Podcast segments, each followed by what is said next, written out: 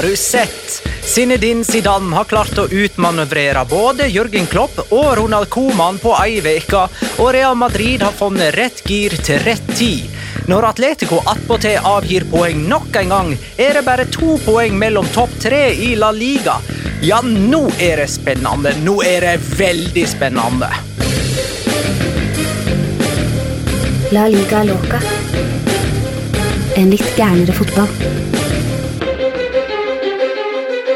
Ja, ja, ja. Dette er La Liga Loca, episode 160 av det ordinære slaget med Petter Veland i Oslo sentrum. Hei.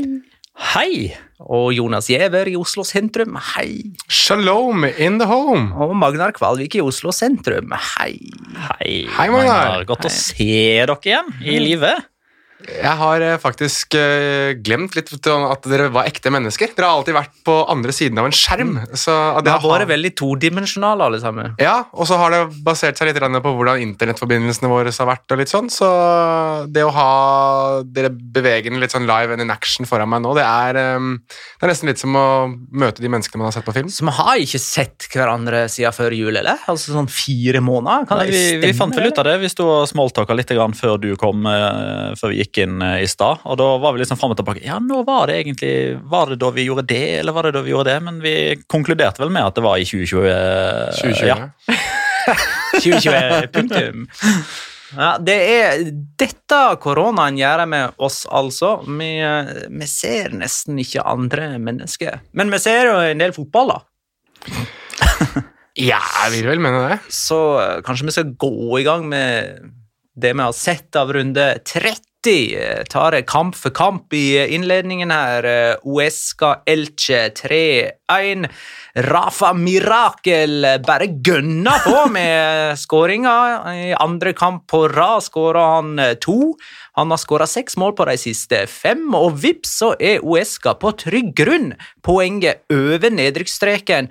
Mm, dette er første gangen eh, denne sesongen at de vinner to kamper på rad. De slo jo Levante forrige helg, og Gøran O. Pedersen skriver imponerende opphenting av Oesca. De så helt fortapt ut, men klarer seg nok nå. Tidlig å konkludere, kanskje, men eh, det han skriver videre, kanskje ta en gjennomgang av tidligere Great Escapes. Kommer vi på noen sånn i farten? Jeg så dette spørsmålet først nå, ser du, så det blir veldig sånn på strak arm. dette her. Ja, det blir det. Altså, min uh, første tanke er at vi må i alle fall da noen sesonger tilbake igjen. For jeg husker de foregående sesongene så har vi jo egentlig akka oss litt over at nedrykksstriden har vært så kjedelig og forutsigbar. Uh, forrige sesong så fikk man jo litt spenning på tampen, men det var liksom de tre lagene som lå nederst hele veien som rykka ned til slutt. Og det samme var det de tre sesongene i forveien, og da var det jo òg med sånn enorme poengsummer. altså Osasona og Granada var jo typ nede i mars. Eh, så kanskje vi må tilbake til Sporting Rijon da, i 2015-2016. Ja. Mm, men i sånn eh, Var det 07-08 eller 08-09, så mener jeg Osasona berga seg med seier mot eh, Barcelona og Real Madrid i løpet av de siste par-tre rundene. Det er helt riktig. Det var i 2008-2009. Og så hadde de en uavgjort mot Sevilla i tredje siste serierunde òg. Så berga de plassen med ett poeng. For ta den derre den, si, den som er en great escape som ikke burde vært en great escape, det at Eibar overlevde fordi Elche hadde snusk på kontorene sine. Den er jo sånn great escape-ish, den Ja, òg. den er fin, den, faktisk. Ja, og i typ sånn siste krampetrekning, eh, 11-12-sesong Nei, 12-13-sesongen, da Villarreal rykka ned, da Rayo Vallecano skåra fire minutter på overtid. I offside! Uten var. Den kommer du aldri til å glemme, tror jeg. Aldri, og det er derfor jeg eh, driter i om det er armhule eller om det er pikk. Offside er offside. Og i det tilfellet der var det pikk. Ingen tvil om det- I så fall så var det verdens lengste pikk, for den offsiden var soleklar. Hodestøt. Getafe Cádiz 1 Nei, 0-1. Cádiz med sin andre seier på rad, og da etter at eh, de og vant det kontroversielle oppgjøret mot Valencia sist helg. Eh, Og det ser ikke ut til at eh, Juan Cala vil få noe straff etter at Diakabi anklaga han for rasisme. Nei, saken er arkivert hos La Liga, i alle fall, ettersom man ikke fant bevis for at det ble sagt. Um, og så må man jo også påpeke at det heller ikke finnes bevis på at det ikke er sagt. Eh, Men så lenge det blir ord mot ord og påstand mot påstand, så er det vanskelig å straffe noen. Eh, Det spanske fotballforbundet har jo ennå ikke lukka saken, og det er jo de som har myndighet til eventuelt å ta dette til en domstol hvis partene fortsetter med de steile frontene, som riktignok har roa seg nå de siste dagene. Ser for øvrig at eh, Mokhtar Diakabi har uttalt noe i dag, eller han har retweeta Mohammed Bouhafsi, den franske gode journalisten som jobber for RMC. Han skal snakke hos de i kveld, så kanskje det, kanskje det kommer noen Oi. ja, nyheter eller meninger eller anklager der. I kveld, mandag 12. april. Ja. Oi. Ja, ok. Eh, ja, det at Kadis slo Getafe borte, betyr at Kadis tar et godt steg vekk fra nedrykksstreken, mens Getafe stadig kommer nærmere. De er fire poeng over nedrykk, etter bare én seier på de siste tolv seriekampene. Uh, Atletic Alaves 0-0, et oppgjør plassert midt mellom Atletic sine to cupfinaler. Og det er vel først og fremst det det handler om for dem nå. De tapte altså finalen forrige helg mot eh, Real Sociedad og møter Barcelona til ny finale kommende lørdag. Og de går inn til den finalen med seks offisielle kamper på rad uten seier. Uh, Alaves sin tredje trener for sesongen, Havi Calleja, debuterte med et OK bortepoeng her. Lucas Perez fikk starta, men ingen skikkelig utløsning her da, for uh, ham. Den eh, annullerte skåringa til Roselo det er en av de vakreste hodestøtene som ikke har blitt skåring etter å ha endt i mål jeg har sett på veldig lang tid. Mm. Lucas Perez var offside, for å si det sånn. Ja, Kan ha vært det flere ganger den siste tida. ja man har kommet seg på riktig side Det var vel en pikkete offside. Dette. Apropos. Apropos, Mm. Det ble mye, det er mye pikkprat her. Nå eh, skal tolvåringene òg få lov til å høre herifra eh, og ut denne episoden. Kanskje vi skal ta en sånn eksplisitt denne gangen? Nei, vi gjemmer oss bak det at pikkpreik er faktisk en eh, Ok, fra nå en, for en, nei, men Det er en NFL-podkast som heter Pikkpreik, som baserer seg da på draft picks. Ja, så vel- Mattis Holt blant annet som har den. Ja, men Den estiske høyrebekken skriver faktisk navnet sitt med dobbel K på slutten. Magna, så pikkefotball er helt naturlig. Kukeballer, også, som spiller midtbanen. Den Han var færøysk, var ikke han det? Nei, han var estisk, han òg. Han òg? den estiske høyrebekken, for de har jo bare én. Typ landslagsbekken, da. Arthur Pick heter han. Eibar Levante 0-1. For første gang siden Eibar kom opp i La Liga i 2014, er de på bunnen av La Liga-tabellen. Slikt skjer når du spiller 13 strake kamper uten å vinne, eventuelt når du vinner 1 av 19, eventuelt vinner én av alle dine heimekamper denne sesongen. Jorge de Frutos ble matchvinner for Levante. Real Madrid-Barcelona 2-1. Benzema og Kroos skåra for Real Madrid. Oscar Mingueza for Barcelona.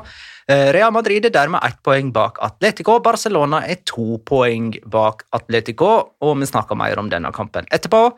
Villarreal og Sassona 1-2. Villarreal hadde seks strake seire i offisielle oppgjør, men så kom fryktinngytende Osasona på besøk. Eh, Sassona hadde fire kamper på rad uten skåring, men så endelig skulle de spille på La Ceramica. Jeg bare ser at Petter eh, forbanner seg veldig over deg, Magnar. Eh, det er jo greit da at det laget jeg har eh, ment at er nedrykkstrua, og Sassona slår det laget. Magnar har ment det har vært nedrykkstrua i hver Og så tar dere begge feil. Ja, vi gjør det! Vi gjør det. Så det, det er greit. Det er minus og minus har blitt pluss, så det er helt fint, det. Valencia Real Sociedad 2-2. Her skåra svensken og dansken, men ikke nordmannen. Eh, For det er jo ingen nordmann Eh. Hadde Ødegaard fremdeles vært Real Sociedad-spiller nå, så hadde jo han selvfølgelig skåra i denne kampen. kampen. ja. her. ja, ja, ja. Eh, Real Sociedad leder 2-0 til pause etter mål av Guevara og Isak. Og så skåra Daniel Wass på straffe og Gabriel Paulista på en corner etter pause for Valencia. Isak mangler tre mål på å bli tidenes mestskårende svenske i en eh, La Liga-sesong. Han har 13 nå. Rekorden tilhører Zlatan, som skåra 16 for Barcelona i 09-10-sesongen. Og Diakobi spilte hele kampen for Valencia etter det som har vært ei uke prega av rasismesaken, og i kveld 12. april så skal han altså uttale seg i et TV-program. Eh, radioprogram. Radioprogram. Fransk sådan. Ja. Mhm. Valladolid, Granad eh, Jeg lurte vente, Skal vi vente litt med å gå eh, videre her? Eh, Jeg, tenkte kanskje du, Jonas, hadde et og annet du ville si om Carlos Soler, straffespark og den slags. Å ja, ja, nei, altså Carlos Soler skyter jo dårlig straffespark hele tiden, men som regel så treffer de jo mål. Dette straffesparket traff jo ikke mål engang, så Og her hadde han jo et tilløp der han gjorde alt riktig. og så Før han skyter, så har jo keeper slengt seg til sin høyre, så målet er jo egentlig åpent, og likevel så setter han ballen utafor. Så jeg gjør jo alt rett fram til han treffer ballen. Ja, øh, men han har jo gått øh, i Dani Parejo-skolen, som sagt. da, Det å skyte dårlig straffespark. Parejo hadde jo gjerne et par av de her, han også. Øhm, men jeg, jeg syns den som æres den som bør, for jeg tror ikke han blir nevnt noe mer i denne episoden, her, det er Gabriel Paulista i den kampen her, egentlig. For han er jo altså ene og alene skyld i 2-0-skåringen til Real Sociedad, og så er jo han den som på en måte berger et poeng her med et um, Mens vi er inne på hodestøt, som faktisk er utrolig fine. Dette her er et ordentlig godt hodestøt av um, av spansk-brasilianeren, eller brasilianspanjolen, alt ettersom hvordan du ønsker å anse det. Han vil jo egentlig spille på det spanske landslaget, det har han uttalt før.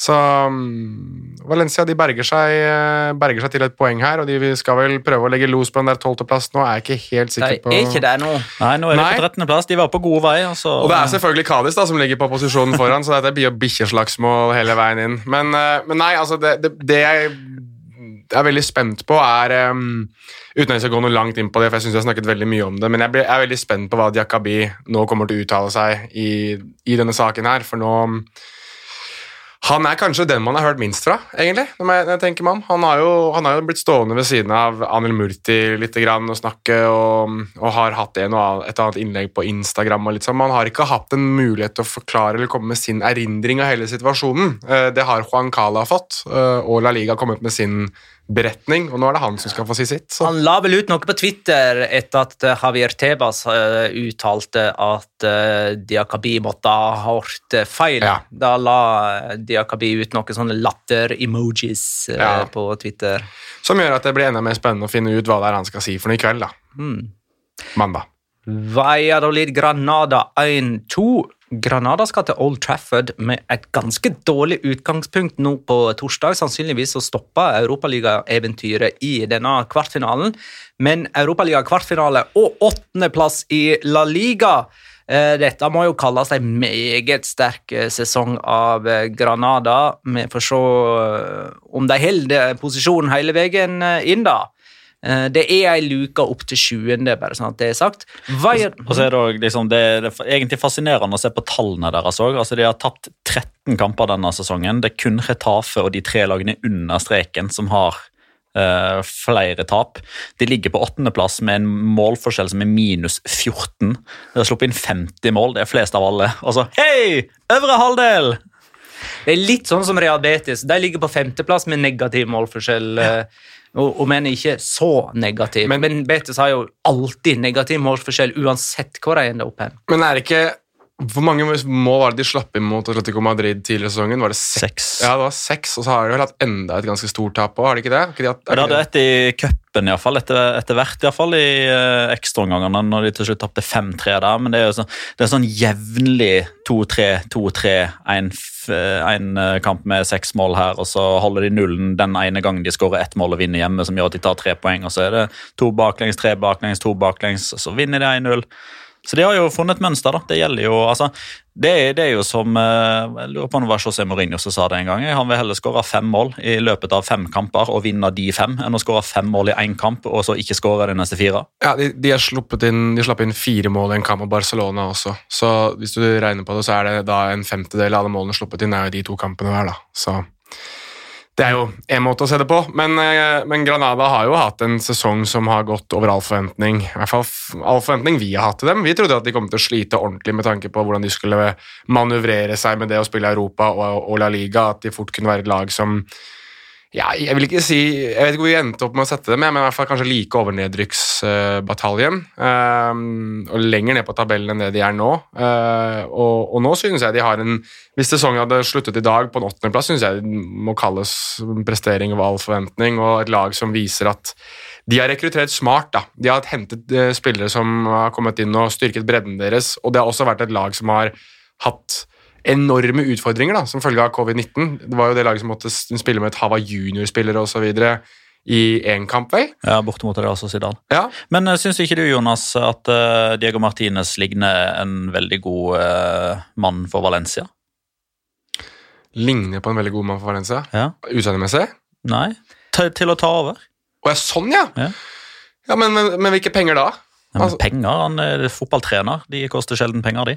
Ja, altså hvis han, hvis han blir til rådighet for Valencia, og, og det er mulig å gjøre, så ville jo Valencia vært idioter som ikke gjør det, men det er jo mange på de kontorene der som er idioter, så jeg vil ikke la meg overraske hvis de ikke gjør det. Men um, bevares, eh, det har tatt veldig mange av trenerne i La Liga uh, til Valencia. Altså, nå må vi jo si at Javi Gracia har gjort en god jobb med de eh, midlene som har blitt stilt til rådighet til ham òg, men, men at Diego Martinez er kanskje den mest spennende spanske treneren i La Liga, det kommer jeg ikke unna. God sesong så langt av Granada. Valladolid derimot er poenget over nedrykk, og Encho skriver til oss hadde ikke Ronaldo et tidsperspektiv på når Valladolid skulle bli en stabil La Liga-klubb, og hvis eventuelt når de rykker ned, blir han med ned? Ja, det tror jeg. Jeg, tror faktisk Ronaldo er litt eh, in it for the long run. Jeg, jeg leste et ganske godt intervju med han gjorde med Sports Illustrated, der han Grant Wall hadde et kjempelang sånn featurepiece om Ronaldo og hans nye liv. da. Og Han virker veldig, veldig dedikert til det å, å skape fotballkultur da, i Valladolid, og at han, han anser dette som noe som er noe han skal holde på med i lengre tid, og at det var viktig for han å, å også vise seg selv eh, altså, verdig, da, det å kunne ha en, den presidentrollen som han har. at det han har sett veldig mye rare presidenter i andre klubber og at det er viktig for han å være tro til det han selv eh, mener er rett. da. Så jeg tror Ronaldo er med både opp og ned jeg, med, med Valladolid. Jeg tror eh, Men det jeg lurer på, er jo hvor mye tålmodighet han skal ha med Sergio Gonzales. Eh, For jeg syns jeg ser noen sånn sykdomstegn der. eh, Og det er jo sånne seine baklengs, og at de ikke klarer å beholde ledelser som de tar. Eh, Og man ser jo at eh, altså alle de andre klubbene som har eh, endra trener, har jo vært nede i sumpa der, med unntak av Gaisca Gaditano, som ble sparka fra Atletic da de var nummer ni.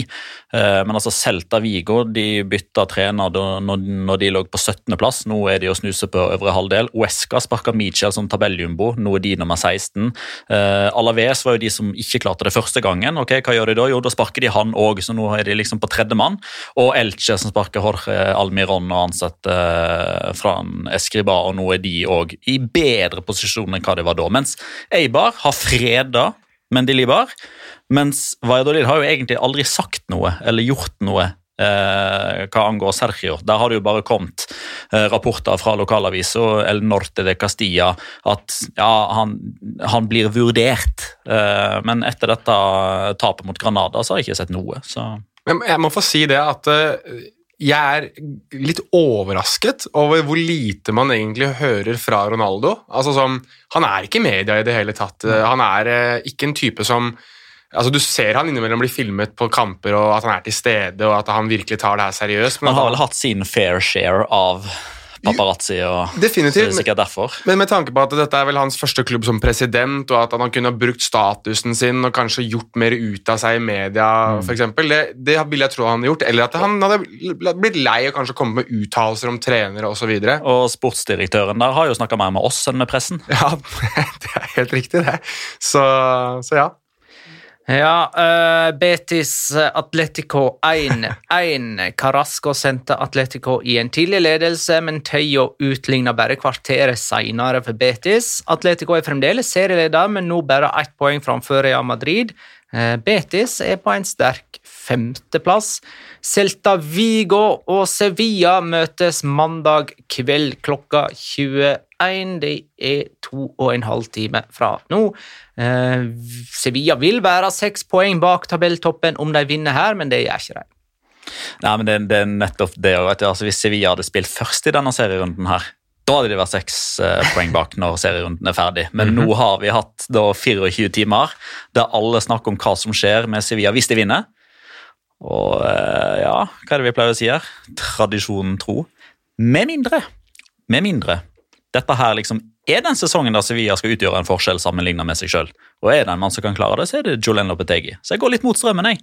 Jeg ombestemmer meg i løpet av uh, argumentet mitt. Sevilla de kommer til å vinne, de. Ja, men Det hadde vært så enormt da, hvis de gjør det. Altså, når lytteren hører på dette, så er jo dette er avgjort. Altså. Men uh, hvis vi går inn etter 30 spilte serierunder, og det er seks poeng fra nummer én til nummer fire Wow!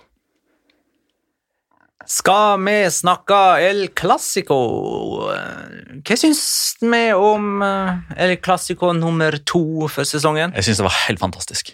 Jeg syns den kampen var så utrolig bra på alle mulige måter. Men, jeg, men kan jeg bare få skutt inn da at jeg tror værelementet hadde veldig mye med det å gjøre? For at det ble sånn at det, ehm, Det var, ja, det var en medvirkende faktor. Man hadde meint det uansett om det var sol eller regn eller Ja. snø eller Men jeg syns at, det, det, at, det, at det ble så dårlig vær, og at ballen gikk mye fortere, og at det var et mer direkte element i den kampen, gjorde at det bølget så veldig òg. Kanskje Marcelino hadde et poeng når han en gang sa han rettferdiggjorde de dårlige resultatene til Valencia med at de ofte spilte kamp klokka 16.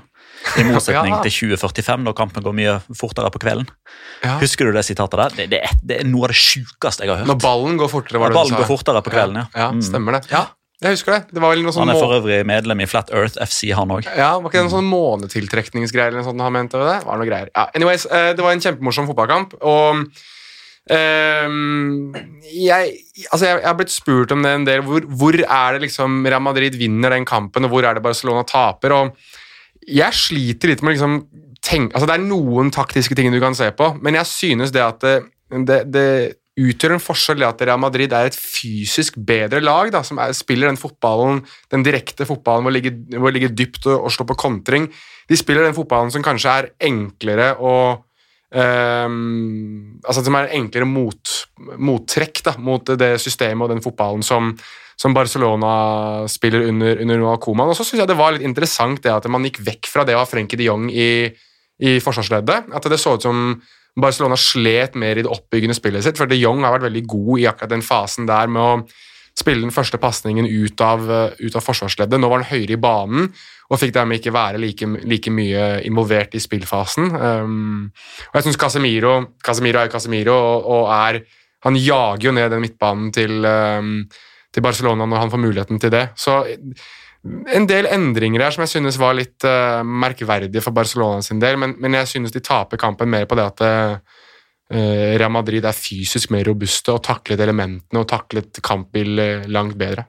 Altså, Noen ganger så er det jo òg altså, Dette er jo veldig forenkla, da, men Zidane gjorde én endring eh, fra et lag som spilte kjempebra og vant 3 mot Liverpool, og traff. Ronald Koeman gjorde én endring fra eh, tre elvere på rad i forveien, som alle endte med seier, og bomma. For det var jo i den første omgangen at Real Madrid vant kampen. Ja. Eh, og så ser man jo kampen sett under ett, eh, og man ser på målsjanser, og man ser på avslutninger, og ser på ballbesittelse, og man ser på hvem som liksom eide kampen ut ifra hvordan forutsetningene var, og hvordan stillinga var underveis. Så syns jeg den, den kampen der kunne like gjerne en 2-2. Hadde Ja. ikke vært noe ufortjent ved et eventuelt Barcelona-poeng.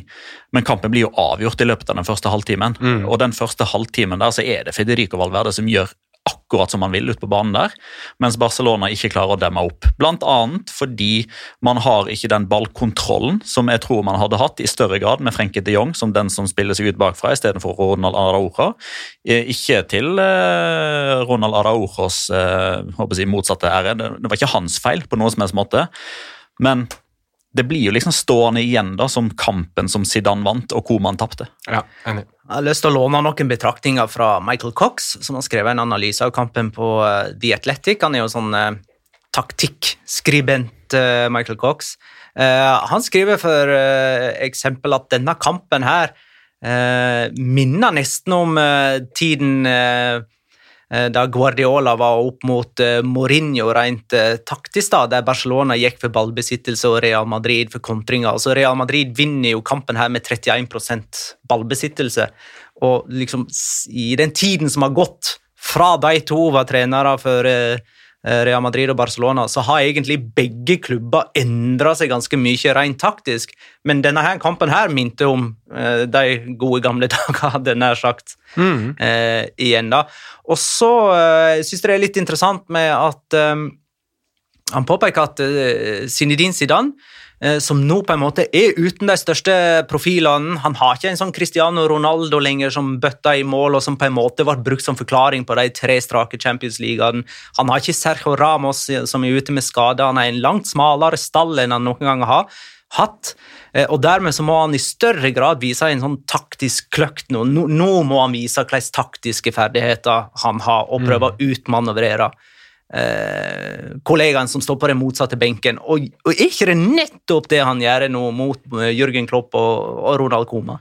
Jo, det, og, og en ting som jeg synes er litt underkommunisert, er uh, hvordan Zinedine Zidane og kanskje dette Real Madrid-laget her um, Når begivenheten blir stor, og begivenheten blir som størst, så blir Real Madrid enda større. Altså, de, de er Altså, jeg har jo jeg, Til det kjedsommelige, og jeg mener det, og det er, det er, en, det er en sånn teit greie, men samtidig så har det jo litt mening. Han scorer den kampen her òg. Altså, jeg kaller jo Karim Benzema for Big Game Karim, men dette her er jo et lag som er big game. Altså, Når kampen er stor, så er Real Madrid det beste laget. Det synes jeg kom veldig tydelig fram mot Liverpool også. At uh, når man ber Liverpool, eller ber Real Madrid om å prestere mot Liverpool, så klarer de det. Når du ber Real Madrid prestere mot Barcelona, så klarer de det. Og oddsen er ganske lav, tror jeg også, for at de kommer til å gjøre det samme mot Liverpool en gang til. Definitivt. Og grunnen til at jeg rakk hånda i været nå for å be om ordet, er at nå passer det perfekt å dra resultatene til Real Madrid i toppkampene denne sesongen. Take it away.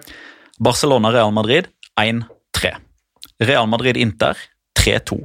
Inter-Real Madrid 0-2. Sevilla-Real Madrid 0-1. Real Madrid-Atletico Madrid 2-0. Atalanta Real Madrid 0-1. Atletico Madrid Real Madrid 1-1. Real Madrid Atalanta 3-1. Real Madrid Liverpool 3-1. Real Madrid Barcelona 2-1. Én uavgjort, resten er seier, og så drar vi i tillegg med 2-0 hjemme mot Gladbach når de hadde kniven på strupen og måtte vinne for ikke ryke ut av Champions League. Det er helt rått, og det er den kulturen man snakker om. Som man aldri kan fjerne fra Real Madrid. For det ligger i klubbemblemet, det ligger i drakta. Det ligger i kulturen, det ligger i veggene. Uansett hvem som trener de, uansett hvem som spiller for de, det har bare den klubben der. Mm, men, men, eh, så litt det der taktiske igjen. Mm. Ja, men ta det. Og, og Zinedine eh, Zidane, som på en måte har omskulert Lucas Vasques til en høyreback. Det er liksom sånn, det er sånne ting som eh, Eh, de store trenerne får som et, et tegn på at de er gode trenere. De, de får eh, spillere til å prestere ut av posisjon. Og så hadde du det taktiske grepet med å sette inn eh, Fede Valverde i stedet for Ascencio, og så bruker han Fede Valverde nesten som en høyre back når de forsvarer seg, og så er han wing når de angriper, angriper i 4-3-3, og han er jo eh, helt avgjørende for 1-0-skåringen, f.eks.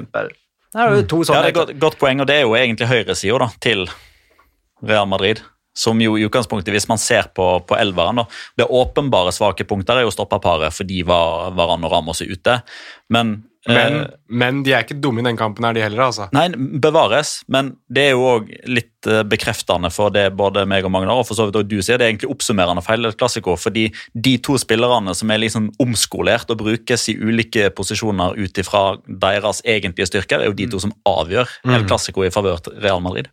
Mm. Lucas Vasques og Federico Valverde. Høyrebekken og høyre hermetegnvingen. Paradoksalt nok så er jo den spilleren som da burde ha hatt en, øh, en, en, faktor i den kampen her, som har hatt en faktor i veldig mange kamper for Barcelona sin del, som spiller i ny posisjon.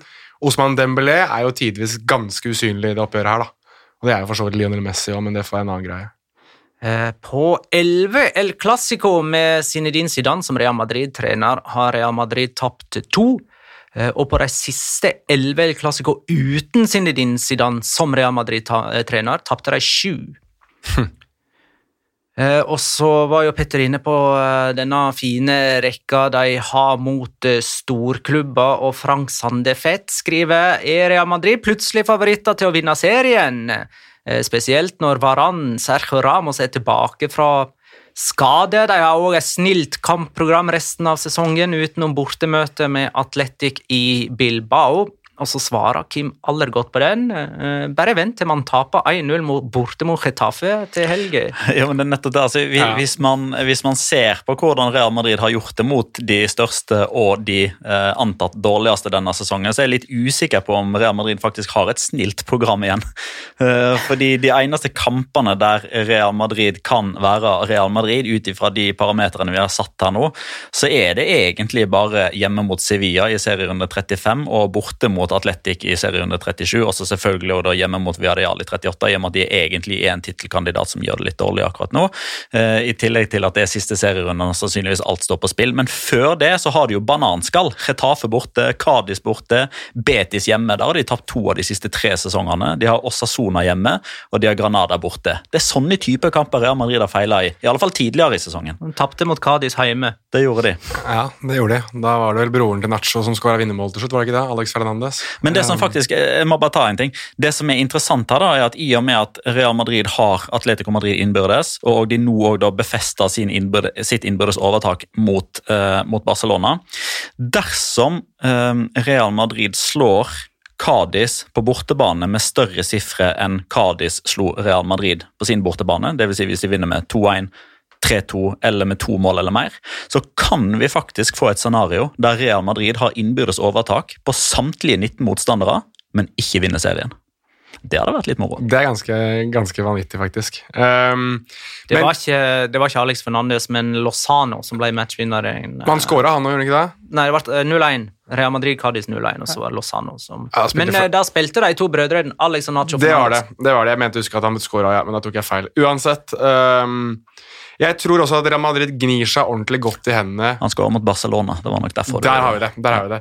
Jeg tror Real Madrid gnir seg ekstra godt i hendene mest med tanke på Champions League. For jeg, Hvis du ser den veien deres til en potensiell finale, er ikke det vanskeligste, altså. Jeg må være såpass ærlig. Det er, Hvis de slår Liverpool, som de har all mulig grunn til å tro at de kan nå, med det forspranget de har, så er det mest sannsynlig Chelsea i en semifinale. Og med all respekt i verden til Chelsea tror Real Madrid ligger noen hakk over dem akkurat nå. altså. Jeg gjør det. Og hvis de da skal spille Hvis de da overkommer den semifinalen, så er Real Madrid er Real Madrid. og Det er vel litt sånn som eh, Er det ikke Hvem er det som har sagt det? Er det, er det Alle. Ja, at i finale finaler spiller du ikke, de vinner du. Ja. Og det er det Real Madrid gjør. Mm. Altså, det er um, Real Madrid no juega finales. Seganen. Ja, nettopp. Der har du det. Altså, det er, det er um, Real Madrid og Champions League er nok, er nok der jeg ville fulgt ekstra nøye med. Jeg tror ikke Real Madrid vinner. For å besvare spørsmålet ditt, jeg tror ikke Real Madrid er favoritt til å vinne ligaen. Du tror ikke de er favoritter? eh, det er jo ikke noe man tror, egentlig. For, for meg er det ikke det. Nei. Eh, men eh, nå har vi jo sendt deg til finale nærmest i Champions League, og da er det jo verdt å ta dette spørsmålet fra Daniel Cobolone. Real Madrid-Liverpool, hvem eh, er det som tar semifinaleplassen? Nei, jeg sier Real Madrid. Ja, jeg Ja, jeg tror Real Madrid tar det. Ja. Det er, ikke noe, det er ikke noe publikum på Anfield, vet du. så du får ikke den den koket som overkom Barcelona. Tror at et, og så tror jeg det at Real Madrid har litt mer i kylen. da. enn Det er det- veldig røde, fryktinngytende seter, da. Og mye større stadion enn uh, Valdebebas. Ja. ja. Jo da. Ja, Det der var en referanse til Klopp, Jørgen Klopp eh, som ja. eh, Han fikk litt på pukken for den. Var det, ikke, var det Emilio Butragueño eller var det Jorge Valdano som sa det at eh, når Real Madrid bygger ut den nye stadion sin, så er det, er det Anfield som kommer til å se ut som en treningsbane for, i sammenligning? Ja, greit comeback det. Så Til og med Ronald Koeman tok jo Valdebebas eh, i forsvar. Ja, han gjorde det. Ja. Eh, SMH skriver til oss Gi Petter noen minutter til å snakke om dette. Eh, og dette er en eh, Ronald Koeman-tweet. Ja! Yes! We had the upper hand during the game and had the opportunities for a better result. Unlucky in the end with a wrong decision by the referee and VAR. ja. Ja, altså Det er jo samme møkka Forza Barca, kommer, jeg til slutt. Ja, det, det, altså, Forza Barca bevares, det skal Barcelona-treneren få lov til å mene. Men jeg, jeg syns det er så fascinerende med fotballtrenere som tar hevd på sannheten i en subjektiv dommeravgjørelse. Eh, og, så Men blir det jo sikta, jeg er litt usikker på hva han sikter til. Uh, Men det er vel kanskje når, da Mendy holder så vidt i Breathwaite? ja, det, ja, ja, selvfølgelig er det den Mm, situasjonen man straffe. De vil ha straffe der. Ja. Uh, og det, og det, det jeg misliker mest med fotballtrener og fotballfolk, er den der snu kappa etter vinden-greia. Eh, og jeg forstår at det på mange måter òg er litt Ronald Comans jobb å legge press på omgivelsene. og eh, Jeg forstår at det ligger Ronald Coman nært. Det hadde det sikkert gjort meg hvis jeg var trener, men det er jeg ikke, så derfor snakker jeg ikke som om jeg er fotballtrener. Jeg er en mann som sitter i et La Liga Locca-studio og vurderer hva Ronald Coman sier, og jeg misliker det sterkt. Jeg misliker det sterkt fordi på mandag der kan man begynne å snakke om en feil dommeravgjørelse, for der er det faktisk nærmest unison enighet om at Oscar Plano skulle aldri ha vært sendt av banen på stillinga 0-0 i Barcelona Valladolid. Den situasjonen fikk han spørsmål om på pressekonferansen etterpå. Han sa at det var dommeren sin avgjørelse, og VAR valgte å ikke gjøre noe med det, så da, må, må vi slutte å snakke om det. Så går det fem dager, og så står mannen for 36. gang og spør hvorfor de har VAR i Spania. Hvorfor de det hele tatt har VAR. På bakgrunn av at han som Barcelona-trener mener at Barcelona skulle hatt et straffespark. Eh, og det er én ting. En annen ting er den hersketeknikken som han tilsynelatende har tillagt seg i intervjusituasjoner. Eh, og eh, for de som ikke fikk med seg det, da, så har han jo fått enormt med kritikk eh, fra journalister, som naturligvis tar litt sine egne i, i forsvar. Men det som skjer, er jo at Movistar pluss sin, sin reporter, som ikke er en førstegangsreisende Dette er mm, Spanias mest respekterte journalist, bortimot, i alle fall i, i den settingen, Ricardo Sierra, som bringer opp straffesituasjonen og ber om Koman sin si mening. og så mm, ja, har jo Koman sitt svar på det, og så stiller han liksom spørsmålet tilbake igjen. «Sy- Syns ikke du at det er straffe? Og så sier Ricardo Sierra at min jobb er å spørre deg, eh, eller det er en avgjørelse som dommeren tok. Eh, Og så blir Koman rett og slett indignert og sur over at reporteren ikke eh, enten kan eller vil si seg enig med han på lufta, og går. Altså, det, er så, det er så terningkast null så du får det. Ja, han blir sur fordi at fordi Fordi jeg, altså han, han sier ja, du, du, har ikke lyst til å, du har ikke lyst til å komme med din bedømning, liksom. er vel det han sier. altså No quieres mojarte. Altså, du mojarse på spansk blir jo da basically å vete seg, altså å komme med sin mening og komme, legge seg selv høvelig til lags osv. Um, og det, det ønsket han jo ikke, for det er ikke hans jobb. Og så, som du sier, så blir Koman dritpissed og sier liksom bare rister på huet og går sin vei. Og det, Det er, ikke, det er ikke interessant for seeren heller. skjønner. Nei, det er Nei, Det er ikke. TV-sending, dette her. Det er ikke sånn at uh, journalister skal drive og si uh, hva de mener, Ja, ja. Når, når, når du har treneren til Barcelona der. Ja, ja, liksom. absolutt. Altså, jeg, jeg må jo bare ta det. Altså, Med paraplyen sin for øvrig, Ronald Koman. Ja, ja, definitivt. Ja, men det, Paraply skal han få ha. Han, han skal få lov til å ikke bli forkjøla selv om jeg ikke liker det han sier etterpå der. Men Men så ser jeg jo at noen eh, drar fram en internett eh, Internett og Twitter er herlig. altså De dro jo fram en tweet fra han Ricardo Sierra fra to, jeg tror det var 2011, der han da hadde kommentert en dommeravgjørelse. Ti år siden. Ti år siden. Torrienzo Alvarez. Eh, og da må jeg liksom bare si sånn eh, altså, Noen ganger så kan det være interessant for folk å vite hva du, Jonas, eller du, Magnar, eller meg mener om en dommeravgjørelse. For å høre hva, hva er betraktningen for en diskusjon osv. Men alt til sin tid. Dette her er eh, et direktesendt intervju på spansk TV som går internasjonalt. Det sitter millioner og ser på. Ingen bryr seg om hva du eller du eller du eller du mener om dette her, Ronald Koman. De bryr seg om hva du mener. Men han har jo fått en del skryt eh, av oss tidligere da, for, taktisk, eh, for sin taktiske fleksibilitet, kan man kalle det. For han har jo tilpassa. han, han var veldig steil på 4-2-3-1 i starten, så at det ikke gikk, gjorde justeringer og har, fikk jo etter hvert da en rekke på 19 seriekamper uten eh, tap. Men eh, fortsatt så sliter han og Barcelona i de store, vanskelige oppgjøret. PSG var en eh, stygg smell, Juventus hjemme var en stygg smell. De tapte mot Atletico, tapte begge nå mot uh, Real Madrid. Uh, Stikk motsatt, egentlig. Stikk av- motsatt av Ja. Real Madrid. Um, Real Madrid er vel faktisk uten Lucas Vaskes nå. Det er det. Ja. Kanskje for alltid. For alltid, faktisk. For det ser ut til å være ferdig eller, For han er, alltid? Jo, han er jo, ferdig han- for sesongen, og så har ikke han kontrakt. Nei, men det var bare så dramatisk. Ja, det var, det var bra at du kontekstualiserte litt her. Det, ja, ja, bevaret. Han, han var ikke så skada. Det var, ikke det jeg mente. Og så er Valverde med til Liverpool, har jeg skjønt, men med en liten skade på han òg. Mm. Så ikke helt sikker. Andreas Svae spør hvor ofte får egentlig Casemiro rødt kort? Ikke så ofte som eh, man skal ha det til innimellom. Men, ikke dette eh, hans andre? Hans andre, Ja. og Hillman sa nå begge gangene. Og, så, og før det så hadde han vel kun ett rødt kort i en U20-VM-kamp eller noe sånt, for det mener jeg husker jeg så. Okay. For det var også en greie. Da han fikk det første røde kortet, så måtte han tilbake hjem dit for å finne sist gang han fikk rødt kort. Men uh, husk da at Lucas Vasques ikke er med heller mot Getafe, og det samme gjelder jo Casemiro og kanskje Valverde. Ja. Eh, Ja. Casemiro får jo spille mot Liverpool, men ikke Hetafe, selvfølgelig. Hopper vi videre nå, eller? Ja, bare ta altså Det som man òg var irritert over fra Barcelona-hold, eh, med rette, syns jeg, var jo tilleggstida. Ja. Eh, og jeg skal ikke bli, uh, jeg skal ikke bli like uh, følelsesmessig engasjert som min kollega Morten Langli ble etter Bayern München PSG, men det er jo, er jo bortimot en hån mot alle som sitter og ser på. Eh, som har eh, fått se Gil Manzano stå eh, og fikle med kommunikasjonssystemet som var tom for batterier i tre minutter, og i retur så får vi fire minutter med tilleggstid. Det var vel fullt av vann.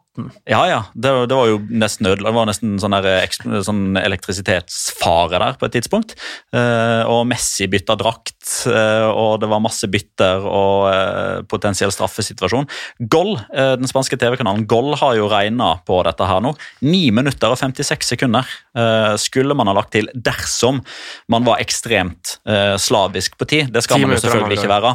Eh, fordi man skal jo typ, man, man sier jo at det er eh, 30 sekunder per eh, bytte, men de har da regna seg fram til at fra tavla kom opp til f.eks. Dembélé gikk av banen, så gikk det 57 sekunder. Eh, så ti minutter hadde kanskje vært litt drøyt, men der skulle det jo vært seks, kanskje sju.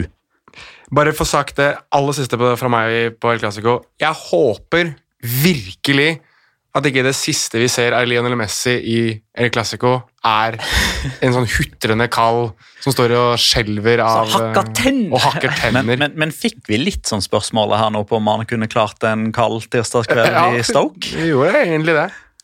Og da, Vi kan jo si at svaret er er nei, og da kan han bli værende i Spania. Ja, altså, Hvis han skulle dra til Manchester City, så rykker vel ikke Stoke opp. Så vi får vel ikke det uansett. Men det regnværet de har å by på i Stoke, er jo ingenting mot det de hadde i Madrid. Det er sant. Ja, men det, det er så rart. Altså, vi, eh, vi eh, si, Når vi tenker på Spania, så tenker vi jo på eh, si, parasoll og sol og, og strender og alt det her, men det er sjelden jeg har sett større sånne regn, eh, sånne enorme nedbørsmengder enn når det spilles fotball i La Liga. Altså, husker, altså, det er så mange kamper på Anueta der man bortimot bare har sittet og sett på det der gamle tartandekket og sett hvor mye vann er det egentlig mulig å falle fra himmelen? Var det, husker du når det regna i forkant av den der Europa League-kampen nå? hvor det liksom, altså, Ja. Himmelen hadde jo Ja, ja, ja, ja, ja. Å, altså, det, var jo, det, var jo, det så ut som et basseng, Ja, nesten. Ble ikke den utsatt, da? Den ble Jo. utsatt i en time, den. Ja, var utsatt i en time. Aldri skjedd i Stoke. Vi må snakke litt om eh, Atletico Madrid, eh, for eh, hvor ille kan det gå med skader og fravær for et lag? Nå møtte de altså Betis på Benito Villamarin uten Marcos Llorente og Luis Suárez og Moussa Dembélé. Og Kondogbia. Og Kondogbia, som var eh, skada, skråstrek eh, suspenderte. Også i første omgang så blir Xiao Felix skada. I andre omgang så blir Kieran Trippier skada. Eh, og så avslutter de kampen med Vitolo som spiss, og da har de eh, hatt eh, både Korea, eh, Xiao Felix, Saul og David Tolo som spisser. Ja. Nei, altså, hva skal man si om, om Atletico Madrid nå, da? Altså, det starter jo Den kampen her starter jo veldig bra for dem, da. Og du føler kanskje litt at eh, ok, nå nå kommer vi til å se det Atletico Madrid-laget som vinner en kamp, og, eller skårer tidlig mål og vinner en kamp og begynner å ligne litt mer seg selv liksom inn de siste seriene. Litt mer cholismo, litt mer eh, Nå er vi kyniske, nå, nå er det bare tre poeng skal alle luker, og ikke, ikke gjør noe tull nå. Men det, det er hele tiden Du sitter med en feeling i de matchene til Atletico Madrid at de kan slippe inn på nesten hvert eneste angrep som kommer mot dem, og det er en rar følelse å ha. altså Uansett om de mangler spillere eller ikke, så, så virker det som om de, de, de, de har en sånn Kan jeg kalle det for volatilitet i spillet sitt? Altså, det, det er eh, Nei, det bare virker som om liksom, Pandoras eske har åpnet seg, og de ikke helt vet hvordan de skal få lukket det igjen. Um, så det, nei, det er, det er bisart å se. Nå fikk de jo også Kieran Trippier ble jo skada i den kampen her òg, som um, Ja, jeg ser, jeg ser As uh, skrive nå Jeg må jo bare for øvrig bare dra uh, det. Altså, um, Marca, journalist og Real Madrid. Da tenker vi jo automatisk på José Felix Diaz. ja. Og så har han en eh, jeg vet ikke om vi skal kalle han for nemesis eller alter ego, for det er han som dekker Atletico Madrid for, eh, for AS. Han heter Fernando José Diaz, så du har JF Diaz, og så har du FJ Diaz. Ja. Og Sistnevnte her nå skriver at Joao Felix er ute i maks ti dager, så han står sannsynligvis over mot Eibar, men er klar igjen mot eh, Uesca, mens um, Trippier uh, de ser i utgangspunktet ikke på det som en skade, at han skal i utgangspunktet være klar igjen, men at han hadde litt vondt og ikke kunne fullføre kampen. Og så syns, jeg syns det var så eh, treffende, egentlig, at eh, mannen som jo kom inn for Kevin Chippier, Simen Versaliko altså Han fikk jo tidenes ball i trynet nesten rett etter at han kom inn. Jeg, jeg bare, akkurat der følte jeg at ja, det var, det var helt riktig for å beskrive situasjonen i Atletico Madrid at det skjedde. Eh, og så er det ingen som bomma på så mange opplagte målsjanser som Angel Correa har Ja. la seg en plass. Den er, men der har du også to megamuligheter på slutten av den kampen der som Altså, jeg bare tenker had, altså, Luis Suárez hadde jo skåret der. Altså, det, det er den tanken jeg blir sittende med hele tiden. Um, og så kan vi jo si at nesten alle andre spisser som Atletico Madrid har hatt de siste par årene, hadde kanskje ikke gjort det. Uh, hei til Nikola Kalinic og Alvaro Morata. Men, um, men nei, jeg bare det er, så, det, er, det er så rart å se Atletico Madrid. Da. Det, er, det er så mange problemer med det, men du klarer ikke helt å sortere alle problemene heller. Um, og for Du har spillestilen deres som ikke fungerer lenger, du har formasjonen som ikke fungerer lenger, det er skadene, det er suspensjonene, det er mangelen på bredde i, i angrepet deres. Det er For et lag som så så komplett ut, så komplett, så mangler de nesten alt nå. Det er rart. de, eh, på de første 15 seriekampene så hadde de en målforskjell på 29-6, og på de siste 15 seriekampene så har de 23-14. Nei, Så de har sluppet inn mer enn dobbelt så mange mål på de siste 15 som de første 15, og de skåra òg en del eh, mindre, så alt uh, blir liksom feil. De har to seire på de siste seks seriekampene. Føles det nå som at kampen om ligatittelen står mellom Real Madrid og Barcelona? Nei, må du gi deg. Skal ikke vi rett og slett gi Atletico litt fred nå, sånn at de kan slå nedenfra igjen, selv om de er på tabelltopp? God idé. Atletico Madrid er sjanseløse. Ja. Momentum har jo skifta for lenge siden. Det er, det jo ti poeng Det er jeg enig med deg i. Det er jeg helt enig med deg i. Momentum har endret seg, men ehm, Ja, jeg, jeg, var det jeg som hadde Atletico Madrid 100% seriemester da vi skulle legge i de Du hadde Barcelona null, så Ja. du kan jo egentlig si at det var Real Madrid. da. Eh, Hvis de skulle ende opp med Ja. å vinne, så kan du jo på en måte gjemme det litt bak. Har du lyst til å bli spinndoktoren min, Magnar? Det er veldig bra. Nei, Mm, Skal inn i politikken.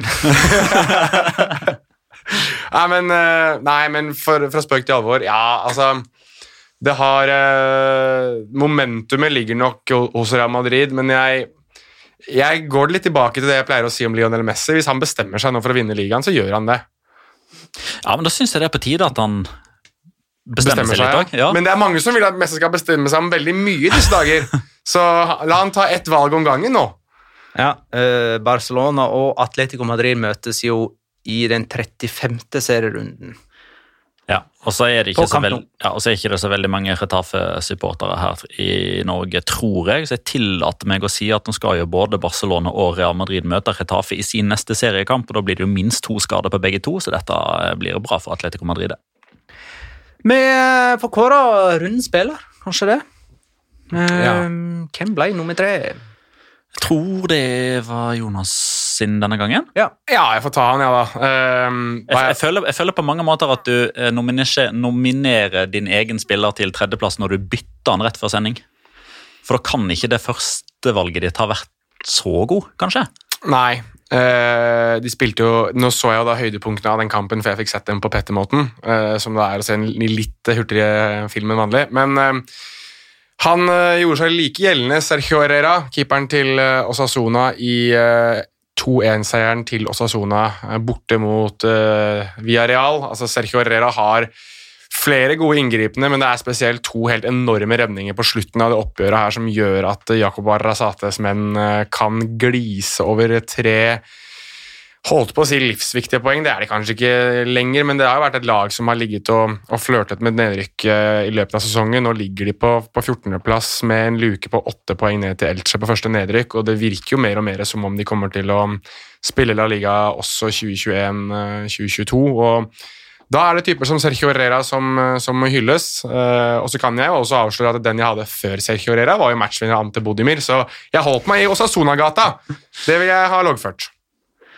Eh, og nummer to, det var min, var ikke det det? Jo. Eh, og jeg trenger ikke dvele så lenge ved det, fordi vi har snakka en del om han eh, allerede. Jeg syns han var eh, banens gigant i El Clásico fram til han ble bytta ut med en ja, tilsynelatende en liten, en liten skade etter en, eh, etter en times spill. Jeg syns Federico Valverde det, det drivet han har med ball eh, han, altså han får altså ballen fra Tony Cross type 10-15 meter inn på egen banehalvdel, og allerede før Tony Cross har fått ballen, så har Federico Valverde bestemt seg for hva han skal gjøre hvis han får ballen av Tony Cross.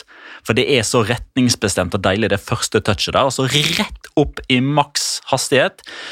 Touch som er perfekt eh, distanse på, fordi han rekker å komme opp i full galopp før han spiller ballen forbi Jordi Alba, som pga.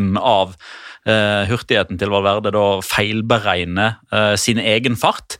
Eh, spiller ballen videre til Lucas Vasques, og så eh, tar Real Madrid ledelsen og ser seg aldri tilbake i El Clásico-sammenheng. Og runden spiller eh, denne gangen Kom vel på andreplass forrige helg. Det er Rafa Myhr, Uesca-spilleren på lån fra Wolverhampton, der han står bokført med to innhopp i championship i 17-18-sesongen. Um, forrige runde skåra han med to elegante, rolige avslutninger i åpent spill. Én med høyre og én med venstre. Denne gangen så kom HV-styrken hans til sin rett da han hedda inn det første målet, og så skåra han det andre målet på straffe. Og Det var de eneste to avslutningene han hadde. Det samme var tilfellet mot Levante forrige helg, så han har skåra fire mål på de siste fire avslutningene sine. Og av spanjoler i La Liga er Gerard Moreno den eneste som har skåra mer enn Rafa Mir. Moreno har 19, Rafa Mir eh, 12. Mir på la seleksjon, rett inn i EM. Eh, og han var jo med å skyte Uesca opp fra Segunda forrige sesong. Nå er han i ferd med å skyte dem til fornya La Liga-kontrakt òg.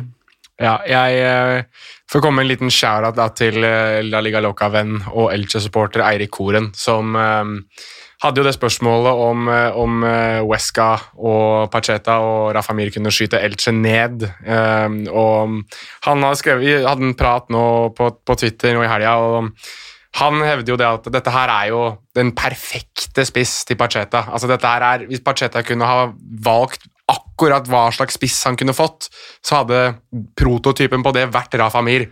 Og det ser man jo til, ved, altså etter serieomgang etter serieomgang nå, og det er jo helt fantastisk um, hvor god han er. Og så regner jeg med at vi ser han mest sannsynlig i um, skal vi si Betis eller Sevilla neste sesong, eller? Interessant eh, betraktning. Eh, Jeg vil også høre din betraktning Jonas, om eh, topp fire mestskårende Uesca-spillere gjennom alle tider i La Liga. For du, for du har vært ganske verbal om alle fire.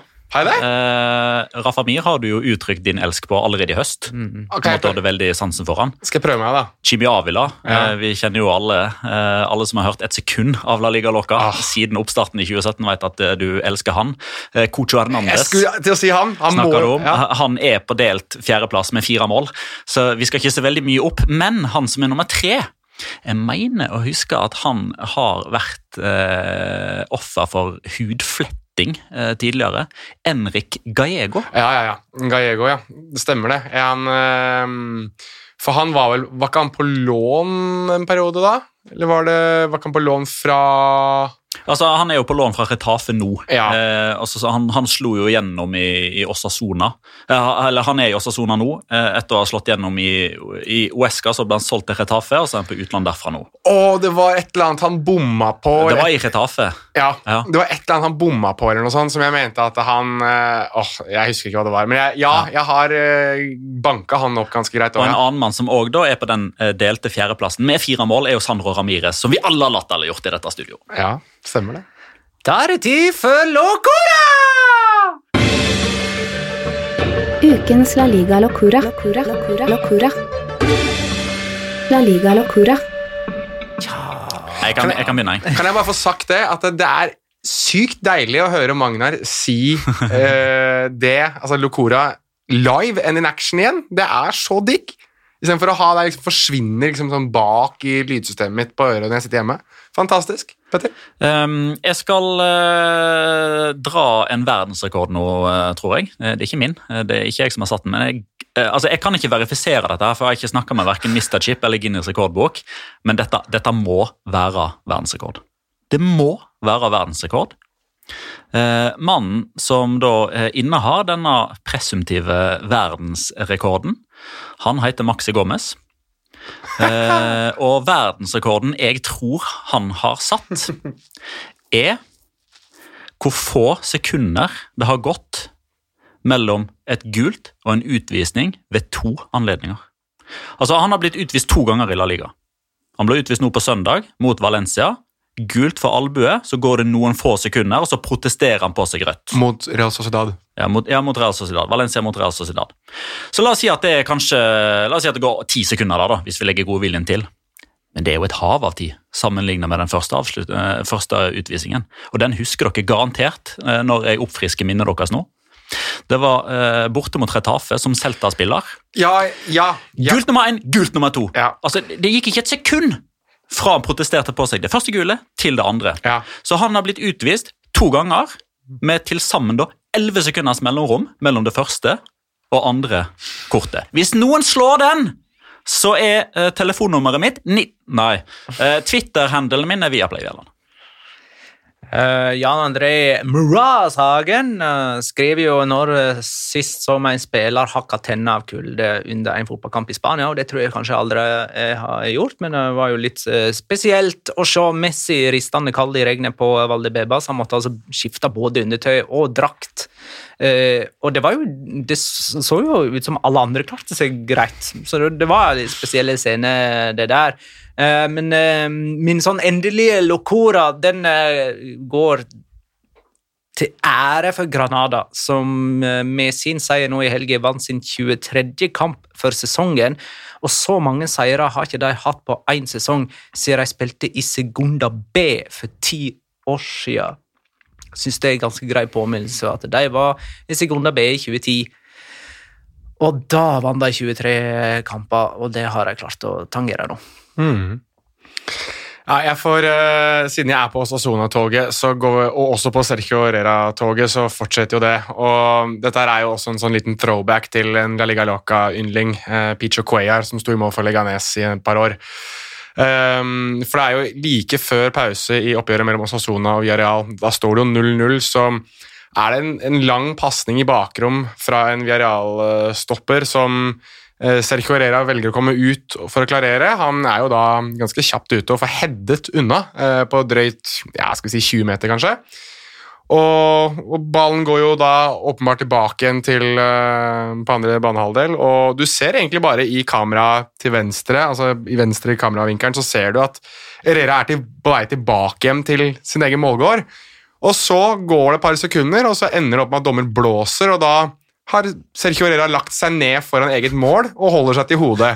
Og har da fått utrolig vondt av headingen han da har eh, vartet opp med da typ 10-15 sekunder i forkant.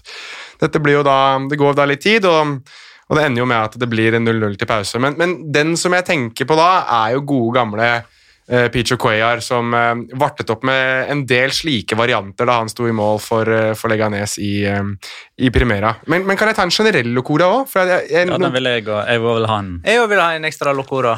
ja, nå er vi i studio, så da syns jeg vi skal gjøre det. Og jeg vil, jeg vil ta den, for jeg så at han selv hadde notert seg Da seg hadde vi samme. Har vi samme? Ok, ja, for at det, det er jo La Liga i Numeros som har tweetet det om fotballspillere som eh, De som har møtt Lionel Messi flest ganger i La Liga uten å tape. Og da eh, kan, jeg jo ta, kan Petter få lov til å ta sistemann, og så kan jeg ta de andre. For det er jo en del spillere som har møtt Lionel Messi tre ganger uten å tape. Og det er jo da Albert Riera, Mamadou Diarra, Cristiano Piccini, Jame Domenech, og så har man nå fått da Fella Mendy, og så har man Mariano Diaz. Men det er én spiller på den lista her jeg nå har manglet, som Petter skal få lov til å fortelle hvem er. Og det er vår alles kjære Vadim Demidov. Tre kamper har Vadim Demidov spilt mot Lionel Messi. Han har én seier, to uavgjort, aldri tapt mot Lionel Messi. Og han har jo da eh, tweetet og lagt ut på Instagram at eh, han syns allerede synd på sønnene sine, som må høre om det eh, mest sannsynlig resten av, eh, resten av deres oppvekst. Mariano Diaz har vel spilt til sammen ti minutter på de tre kampene. Og har skåret! Og har Ja, skåret. Han har jo det. Nei, jeg, jeg tenkte faktisk på uh, straffesparket som Gabriel Paulista fikk. Han var jo allerede liggende Ja. idet han fikk straffespark, og det, det er ganske sjelden man ser. Han fikk, det, Liggende straffespark. han, han fikk straffe mens han lå, eh, og ble trakka på. Av Carlos Fernandes. Ja. Jo, men det, det var bare én ting jeg ville si. Eh, jo, jo, jo, men det er en, en forlengelse av din locora, eller bare en sånn bemerkning som jeg gikk inn og så nå. For jeg, Når jeg hører morsomme ting, så går jeg ofte inn og, og sjekker litt. ok, Hva annet skjedde i den settinga? Eh, da Granada tok sin 23. seier i 2009-2010-sesongen på eh, nivå 3. Eh, så jeg legger merke til tre mann som, som spilte da den siste, altså siste serierunde i 2009-2010, så vinner Granada 2-0 mot Real Jaén og tar da sin 23. seier for sesongen. Tre spillere som spilte den kampen der. Odion Igalo, Oi! som vi jo kjenner fra Lyn og Manchester United eh, primært. Dani Benitez, sjiraffen vår, Ja. maskoten vår bortimot, og Allan De tre spilte faktisk den kampen der, og det er elleve år siden snart. Jeg holdt på å si, eh, Hadde man nå fått det at det var Tony Adams som var trener òg, så hadde man jo fått hele bøtteballetten. Eh, Vi skal tippe med nå. Uh, Forrige kamp var Real Madrid-Barcelona, som endte 2-1 uh, med Karim Benzema som første målskårer. Jeg hadde 1-2 med Grismann som første målskårer. Eh, Det får jeg ingen poeng for, og jeg står med 25. Petter hadde 2-2 med Benzema som første målskårer. Da får du to poeng og står på 22. Jonas hadde 0-0, ingen målskårer, null poeng, du står på 10. Og så spør Nicol Cortez eh, hvem ser dere som favoritt i eh, Copa del Rey-finalen. Vel, la oss eh, tippe på den, da. Copa del Rey-finale. Atletic Barcelona lørdag klokka 21.30. Jeg sier 1-2. Og Lionel Messi.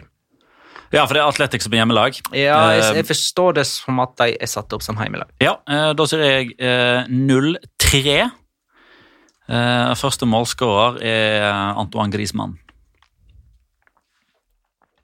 Jonas uh, satser på ekstraomganger, eller? Ja, vi, går jo, vi må jo gå for det. Det er jo, det er jo åpenbart at det ikke blir sånn, men vi går uansett for 0-0. Garantert! Jeg la merke til en fjerde spiller som vi må dra fra denne kampen mellom Granada og Real Jaén i 2010. Det er spilleren med drakt nummer åtte på drakta. Altså, hans navn er Jonathan Martin Golpe, altså Jonathan Martin Slag eh, på norsk. Ja. Han har et kunstnernavn. 20 spenn til den som klarer den. 20 spenn til den som klarer det. Heter han Golpesito eller noe sånt? da, eller? Ah, Nei, men det hadde vært gøy. Nei, jeg vet da søren. jeg. Eh, Gulpi? Er det noe eh, som man kan liksom trekke ut av navnet hans? Nei, Nei. det er det ikke. Tito? Nei, Du kan trekke det ut av laget han spilte på. Alhambra? Nei, Heter han Granada, da? ja, det er helt riktig. Spiller nummer åtte for Granada! Granada! Ja. ja. Og med det takker vi for alle spørsmål og innspill. Tusen takk for at du lytta, kjære lytter. Ha det, da.